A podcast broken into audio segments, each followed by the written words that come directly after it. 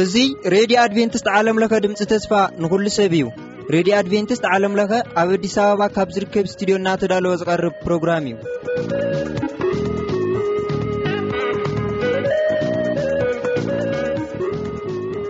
ሰላም ጥዕና ሃበና ዝኸበርኩም ሰማዕትና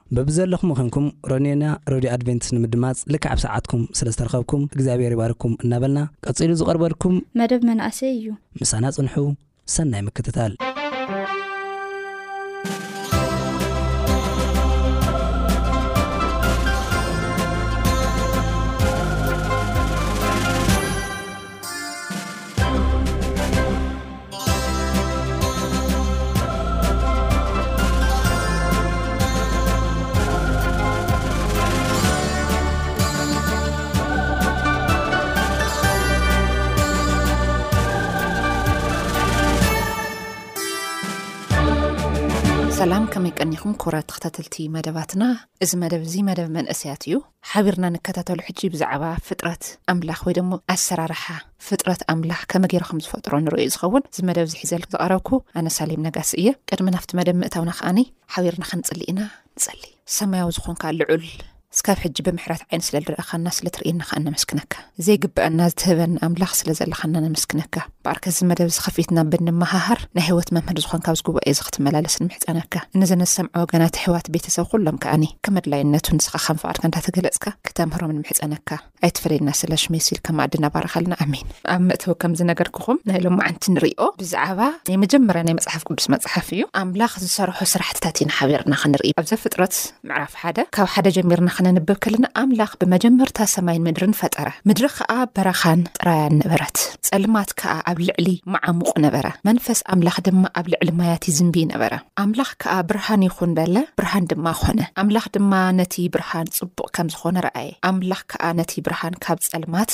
ፈለየ ኣምላኽ ነቲ ብርሃን መዓልቲ ኣውጽኣሉ ነቲ ጸልማት ከኣ ለይቲ ኣውጽኣሉ።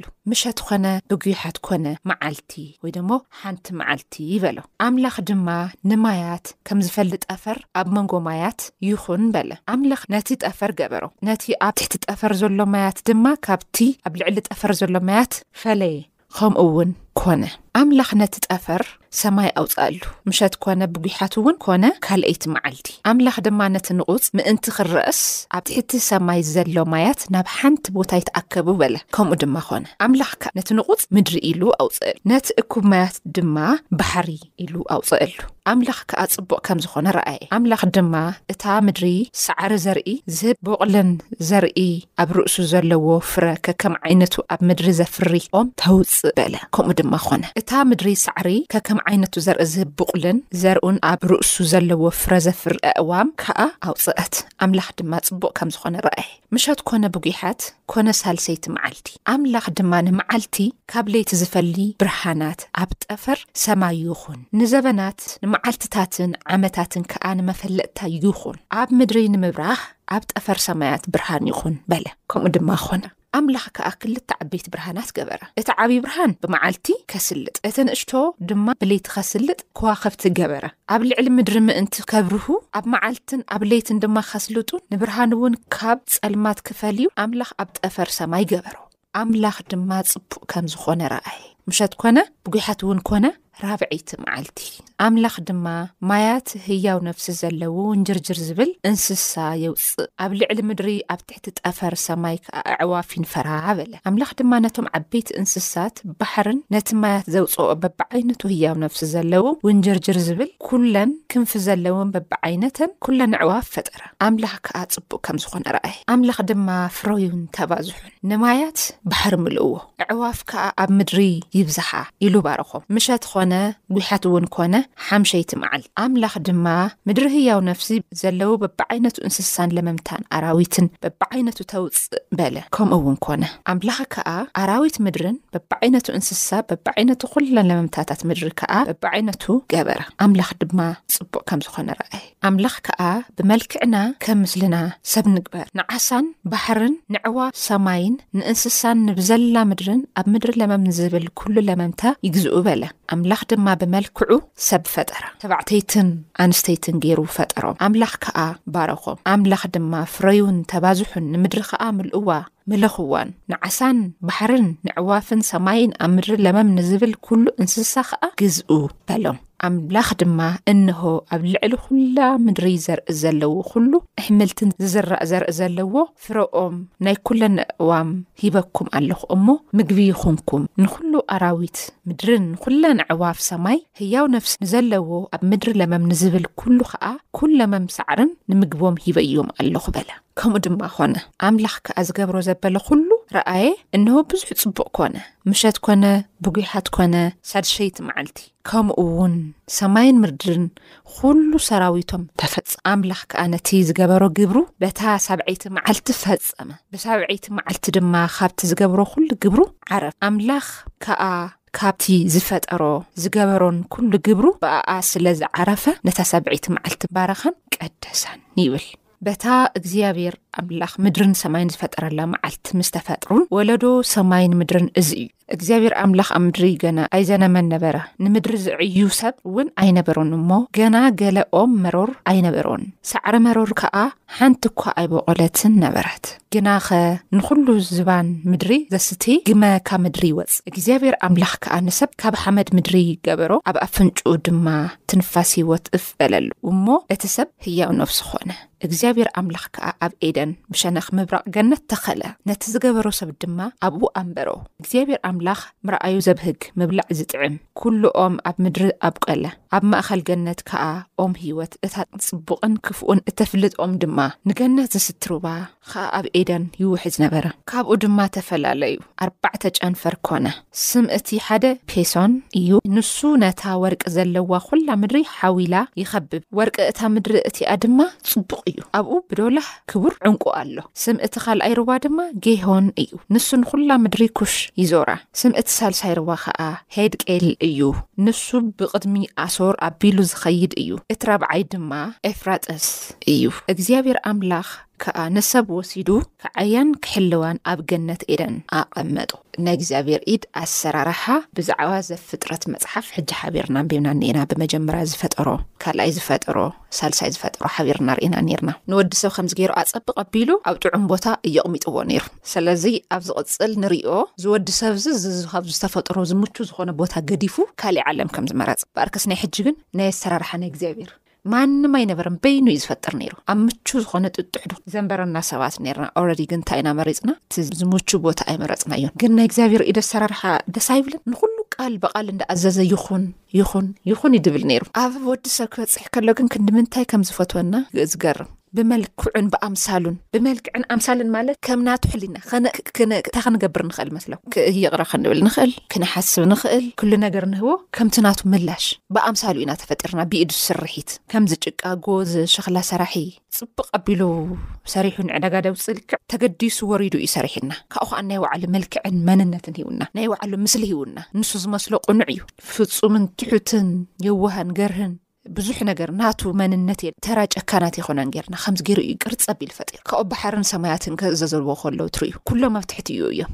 ይኹን ዝበለ ይኸውን ነይሩ ከምዚ ገይሩ ንኣዳምን ሄዋንን ምስ ፈጠሮ ናብኡ ወሲዶ ኣንቢርዎ ግን ኣይገርም እዩ ኣሰራርሓ ናይ እግዚኣብሔር ኣምላኽ ብጣዕሚ ይገርም እዩ ኮይናት ክንዲ ምንታይ ተገዲሱ ከም ዝሓስበልና ቀዲሙ ይኾነ ንኣዳም ፈጢርዎ መጀመርያ ኣሞቻቸ ቢሉ እዩ ንኣዳም ናፍቲ ቦታ ወሲድዎ ሰማያት ከየስተኻኸለ፣ ምድሪ ከየስተኻኸለ፣ እጽዋት ከየብቆለ፣ ብርሃን ከይኣዘዘ፣ ጸልማት ንወይኒ ከይፈለየ፣ ንኣዳም ናብ ኤደን እየ ወሰዶ። ካብዚ ብደንቢ ጌርኩም ኣስተውዕልዎ። ብደንቢ ጌሩ ሰሪሑ ምስ ወደኣ፣ ንኤደን ኣብ ገነት ወሲዱ ኣቐሚጥዎ። ስለምንታይ? መጨረሻ እዩ እዚ ምቹው ቦታ ተለይሃልዩ ንኣዳም እምበር ኣብ ምንታይ ወሲዱ ከንብሮ ይኽእል? ኣስተኻኺሉ ከም ዝፈጠራ። ካብ በብኽንደይ መዓልቲ፣ ንኹለን ሕድሕድ በብሓደ ሓደ መዓልቲ እዩ ፈጢርወን። ብጣዕሚ ዘደንቕ ኣፈጣጥራ ስርሒት ከም ደለዎ። እዚ እዚ ኣብዚ ንውድኦ ከይመስለኩም፣ ሰማያት ኢና ውንዕሉሉ ዕላል እዩ። ኣፈጣጥራ ናይ እግዚኣብሄር ብጣዕሚ ዝገርም እዩ ምድሪ ምንመይ ነበራይ ናይ እግዚኣብሄር መንፈስ ኣብኡ ይሰፍን ነይሩ ይብል ኣብኡ ይዓስል ነይሩ ናይ እግዚኣብሔር መንፈስ ሽዑ ንሕድሕዱ ታገይርዎ ንፀልማት ኣብ ሰዓቱ ንዓመታት ንመዓልትታት ንግዜያት ንሰማይን ንምድርን ንባሕርን ንጣፈራት ንኩሉም ነገራት ንንሕድሕዶም ፈሊሎም ይኹን ክብል ከሎ ከ ንተኣዘዝቲ ነይሮም ከምዚ ዓይነት ናይ እግዚኣብሔር ኢደ ኣሰራርሓ በዚ ዕለት እዚ ክንምሃር ይደሊ ንደቅኹም እውን እዚ ትምህርቲ ዝንገርዎም እግዚኣብሔር ዓለም ትምህሮ ትምህርቲ ኣሎ እዚ ንክምህር ክንዲዚ ዓመት ክንዲዚ መዓልቲ ክወስዱሎ ኣይክእልን ማለት ሓደ ሓደ ፈጠራ ንምፍጣርሲ ከቢድ እዩ ልብል ኣረኣያ ግን ንኩሉ ነገር ብስነ ስርዓት ከም ዝተኣዘዞ ኢና ንርኢ ዓለም ትህቦ ፍልስፍና ክህሊ ይኽእል እዩ በርግጠኝነት ኣሕና ነረጋግጾ ናይ እግዚኣብሔር ቃል ግን ይኹን ኢሉ ተኣዚዝዎ ቢሊናት ወይ ብዙሓት ዓመታት የወሰዱሉ መዓልትታት እዩ ዝብሎ እዚ ኾነ እዚ ኾነ ቀደማይ መዓልቲ እዚ ኾነ ካልኣይ መዓልቲ እንዳበለ እዩ ዝዘልና ነይሩ ሽዑ ንወዲ ሰብ ብማዕዘይ መዓልቲ ሰሪሕዎ ብሻድሻይ መዓልቲ ሰሪሕዎ ንእንስሳት ብሓምሻይ መዓልቲ ንእፅዋት ወይ ንፀሓይን ንወርሕን ንብርሃናት ንፀልማታትን ከዓኒ ልክዕ ከም ርዖ መዓልቲ ከምኡ እንዳበለ ተጊርዎም ቅርፂ ብዘለዎ ስርዓት ብዘለዎ ንምድሪ ሓኒፅዋ ንሶም እዞም ናይ ዓለምና ተመራመርቲ ግን ዝናይዚ ናይ እግዚኣብሔር ትኽክለኛ ዝኾነ ኣሰራርሓ ልምጥፋእ ግንታይ ገብሩ ክፈጥር ኣይክእልን ላብልብል ይመፁ ፈጣሪ ኣይኮነን ክፈጥር ኣይክእልን ፈጢሩ ስናኣና ከማን ደው ኣቢልና ካበይ ዝመፃና ደኣ ኢና ንሕና ብኣምሳሉ ናቱ መንነት ምዃኣኒ ተገዲሱ ወሪዱ እዩ ካብ ሓመድ ሰርሒና እስከ ንምፃእ መን እዩ ደሎ ከም ሰብ ከምቲ ናቱ ፍጥረት ክፈጥር ዝኽእል ኣብ ዓለም ደለው ፍልስፍናታት እግዚኣብሔር ዝሰርሖም ስራሕትታት ኦረዲ ሸሊኾም ስለዝወፁ ዓለም ስለዝሰማዓቶም ንኦም ንምጥፋእ ዝግበር ደሎ ፃዕሪ እምበር ኣሕና ካብ ምንም ኣይመፃናን እግዚኣብሔር እውን ፈጣርን ፈጣርን እዩ። ዓለም ተደልያ ትቀበሎ ኣይትቀበሎ እግዚኣብሔር ሰማይን ምድርን ዝፈጠረ ንሱ እዩ። ንባሕርን ጠፈራትን ዝእዝዝ ንሱ እዩ። ናይ ኢዱ ስርሒት ኢና ንሕና። ንኣቱ መልክዕን መንነትን ከኣ ሂቡና። ሽዑ ንኹሉ መፈጸምቱ ምስ ረኣየ ጽቡቕ ክኾነ ኢሉ ንወዲ ሰብ ኣብቲ ጽቡቕን ፍጹምን ዝኹ ቦታ ኣንቢርዎ። እምበኣርከስ ኣብ ከምዚ ዓይነት ቦታ ኣብዚ ንኽንቕመጥ ኢና ተፈጢርና ኔርና። ኣብ ዝቕጽል ምዕራፍ ብኻሊእ ነጥቢ እዚ ቦታ እዚ ንምንታይ ከም ዝገደፍዎ ሓቢርና ንርእዮ ነጥቢ ክኸውን እዩ። ግን የሕዝን ኣየሕዝን ከምዚ ገይሩ ንዝሰርሐና ኣምላኽ። ገዲፍና ኣፈጣጥራና ረሲዕና ናብ ካሊእ ፍጥረት ምኻድ ንምኩር በዚ ሰዓት እዚ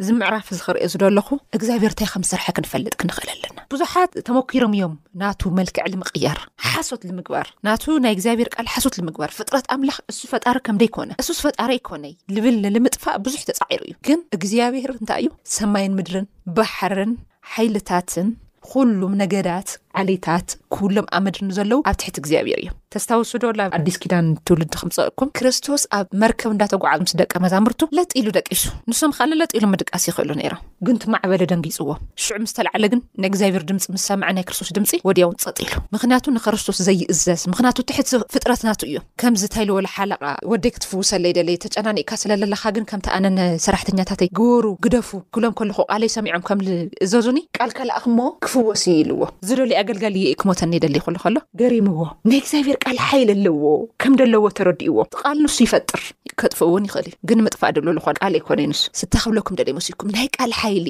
ይኹን ክብል ከሎ ወዲያውን ይእዘዝ ነይሩ ከምዚ ዓለም ተርእየና ደላ ዝተፈላለዩ ፊልምታት ደቅኹም ተርእዎም ዶ ተረእና ነርና ኢና ንሕና ድሓር ኢና ድሕሪ ግዜታት ተረዲእና እምበር ናብ ሌላ ዓለም ፍልስፍናታት ናይ እግዚኣብሔራዊ ገዲፍና ሌለ እንዳዘርና ንውዕል በቃ እንታይ ለደንቕ ነገር ንኤና መሲልኩም ንደቅኹም ብጓሓት ይኾነ ብምሸቱ ንገርዎ እዚ ኩሉ ነዚ ኩሉ እዚ ሓይላት ክእዝዝ ዝኽእል ናይ እግዚኣብሔር ቃል ጥራሕ እዩ ንነዊሕ ዓመታት ናቱ ከፀልምት ድኽእል ፈጣሪ ከም ደይኮነ እስከ ብ 18 ክፍለ ዘመናት እንታይ ተገይሩ እቲ ዝፈጠሮም ክጽበዩ ከለዉ የለን ዝመጽእ የለን ሽፋን ንሱ ተጠቂሞም እቲ ቦታ ንሱ ሒዞሞ ኣብ ናይ እግዚኣብሔር ቦታ ኣትዮም ናብቲ ናይ ቃል ሓይሊ ለለዎ ኣካል ገዲፎም ናብቲ ዝፈጠረ ገዲፎም ናብ ኻሊእ ከዮም በኣርከስ ሕጅን ንጽባሕን ድሕሪኡን ክንነግሮ ድግበኣና ናይ ሓይልታት ሓይሊ ናይ ቃላት ቃል ኣዛዝን ፈጣርን መን እዩ እግዚኣብሔር እዩ ስለዚ ግበር ክብሎ ከሎ ልቃልካስ ይእዘዝ እዩ ዘይሰምዖ የለይ ክብሎ ከሎ ናይ ቃሉ ሓይሊ እዩ ግን ቃሉ ለኸይንቅበል ኣፈጣጥራ ስርሒት ኣምላኽ ኣሕና ከማን ንጠራጠር ነብስና ሰብ ካብ እንስሳ እንድዩ መጽኡ ናብ ልብል ብስነ ስርዓት ካብ ሓመድ ሰሪሕዎ ናይ ባዕሉ እስትንፋስ ሂብዎ ስለምንታይ ድኣ እያ ዓለም ድኣ ዕግርግር ለብላ ዶሎ ልምንታይ እያ ከምዚ ክልዓል ከሎ ካሊእ ቃላት በቃ ክትቅበል እይትደሊ ብጽሩይን ብፍጹምን እምበኣርከስ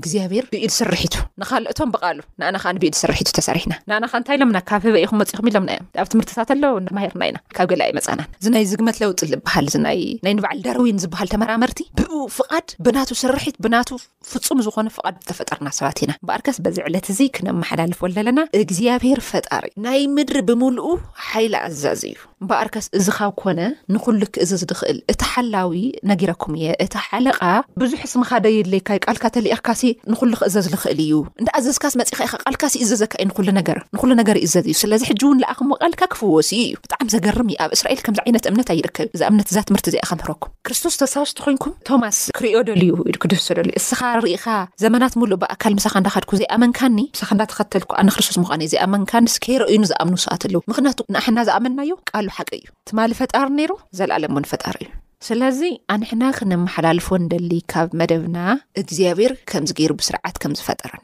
ግን ትዝሕዝን ብከምዘይተዛዘመይ ኣብ ዝቕጽል ምዕራፍ ከድና ክንርእዮ ኢና። ተግይር ወዲ ሰብ ካብቲ ከምዚ ኣጸብቕ ኣቢሉ ዝፈጠሮ ፈጣሪ ኣምሊጥካ ምጥፋእ መሪጹ።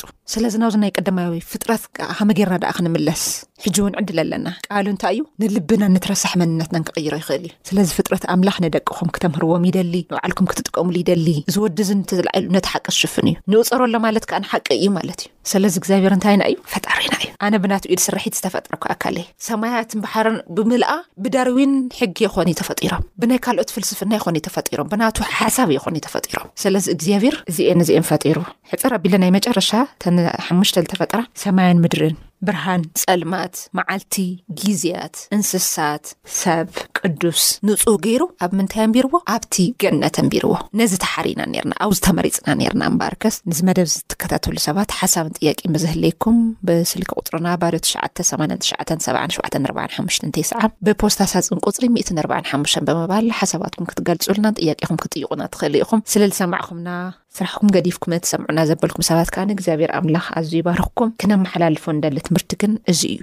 እግዚኣብሔር እንታይ እዩ ፈጣሪ ቃሉ ንኩሉ ኣዝዩ ዝሰርሕ ነይረ ኣባና ክበፅሕ ከሎ ግን ውርድ ኢሉ ብመልክዑን ብኣምሳሉን ብኢዱን ሰሪሕና ነገርን ፍጥረታት ኢና ሓደራኹም ንደቅኹም እዚ ታሪክ እዚ ንገርዎም እግዚኣብሔር ፈጣሪ እዩ ንሱ ለይ ምፍላጥ ጥራሕ ሰባት ላብ ድርሰት ላብ ለየለ ፍልስፍና ላብ ለየለ እንዳኸዱ ይገራጨው እዮም ደለዉ ዝሓቂ እዚ ንምጥፋእ ክንደይ ዓመት ከም ዝወሰደሎም ከይድኩም ዝረአዩ ኢኹም መጽሓፍ ቅዱስ ሓቂ ኣይኮነይ ንውዓሉ መንነት ምግላጽ ኢሉ እተጻሓፈ ቃል እዩ ልብል ብዙሕ መጸለምታ ልተውሃቦ ቃል እዩ ንሕና ክነረጋግጽ እንደሊ ግን ፍጹምን ቅኑዕን ሓቂ እግዚኣብሔር እንታይ ፈጣሩ እዩ ንሕና ከኣ ብኢድ ስርሒት ተፈጢርና እተን ሽዱሽተ መዓልቲ እተሰርሐን ከኣ ቃሉ እንዳኣዘዘ ከም ዝሰርሐን ክነመሓላልፍ እንደሊ ብዝተረፈ እግዚኣብሔር ኣምላኽ ጸጉ የብዝሐልኩም ተባረኹ ሰናይ ቀን